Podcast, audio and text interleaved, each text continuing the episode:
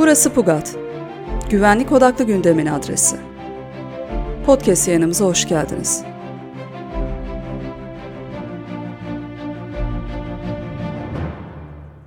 Kerem Doğan, Türkiye'nin menfaatleri ve Afgan göçü başlıklı yazısında yoğun Afgan göçü karşısında Türkiye'nin takındığı tavrı ve politikayı değerlendiriyor.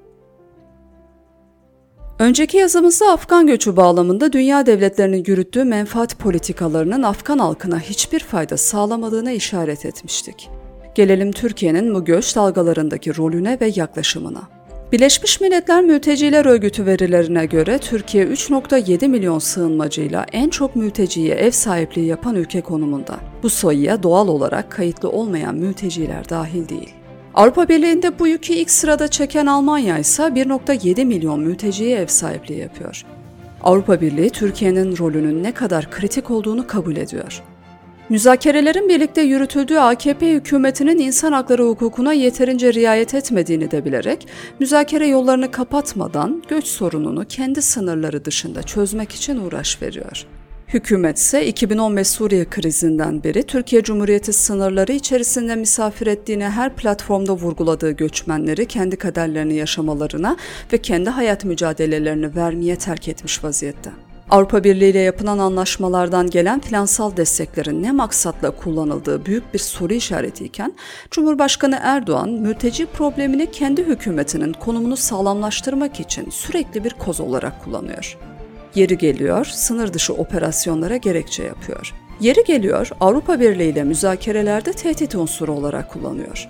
Yeri geliyor, toplumun milliyetçilik duygularını dürterek gündem değişikliği ve birlik olma söylemlerini güçlendirmek için yani iç siyaset malzemesi olarak kullanıyor. Görünen tablo milletin bekası ve toplumun huzurunun değil, bireysel ve politik çıkarların öncelikle dikkate alındığı yönünde. Afgan göçüyle ilgili olarak hali hazırda herhangi bir milli politika belirlenmişe benzemiyor. Ne Afgan göçmenlerin insani ihtiyaçlarını karşılamak ne de Türk halkının huzurunu sağlamak Erdoğan yönetiminin gündeminde değil. Ancak konu medya organlarında farklı şekillerde işlenmekte ve toplumun ilgisi daha önce bahsettiğimiz menfaatlere hizmet edecek şekilde yönetilmekte. Bir yandan göçmenlerin suç işledikleri, toplum yapısına ve güvenliğine zarar verdikleri farklı haberlerle gündeme getiriliyor.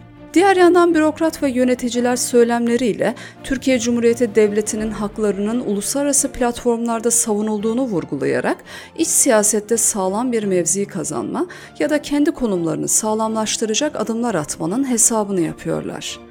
Yani ne mültecilerin sığınma haklarının karşılanması ne de Türkiye Cumhuriyeti vatandaşlarının huzurunun devamlılığı. Bu sebeple mevcut AKP hükümetinin göç politikası da Avrupa Birliği'nin politikasına benzer bir şekilde siyasi yönetimin bekası ve kişisel çıkarların karşılanması için Türkiye Cumhuriyeti vatandaşları ve yabancıların yaşama hakkının göz ardı edildiği bir politika olarak nitelenebilir. Sonuç olarak Türkiye Cumhuriyeti de Avrupa Birliği devletleri de 1951 Cenevre Sözleşmesi'nden doğan sorumluluklarından kaçmaktalar.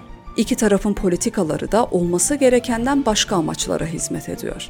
Peki yurtlarını terk etmek zorunda kalan ve sığınma ve korunmaya ihtiyacı olan ve bu maksadı gerçekleştirmek üzere kontrol altında tutulması gereken Afganların durumu ne olacak? Kendi kaderlerine terk edilen ve devletlerin çıkar savaşlarının gölgesinde kimi zaman görmezden gelinen, kimi zaman ezilen, horlanan ve her halükarda yaşam mücadelesi veren mağdurlar olarak muhtemelen gündemin gürültüsü içerisinde unutulup gidecekler diyor Kerem Doğan.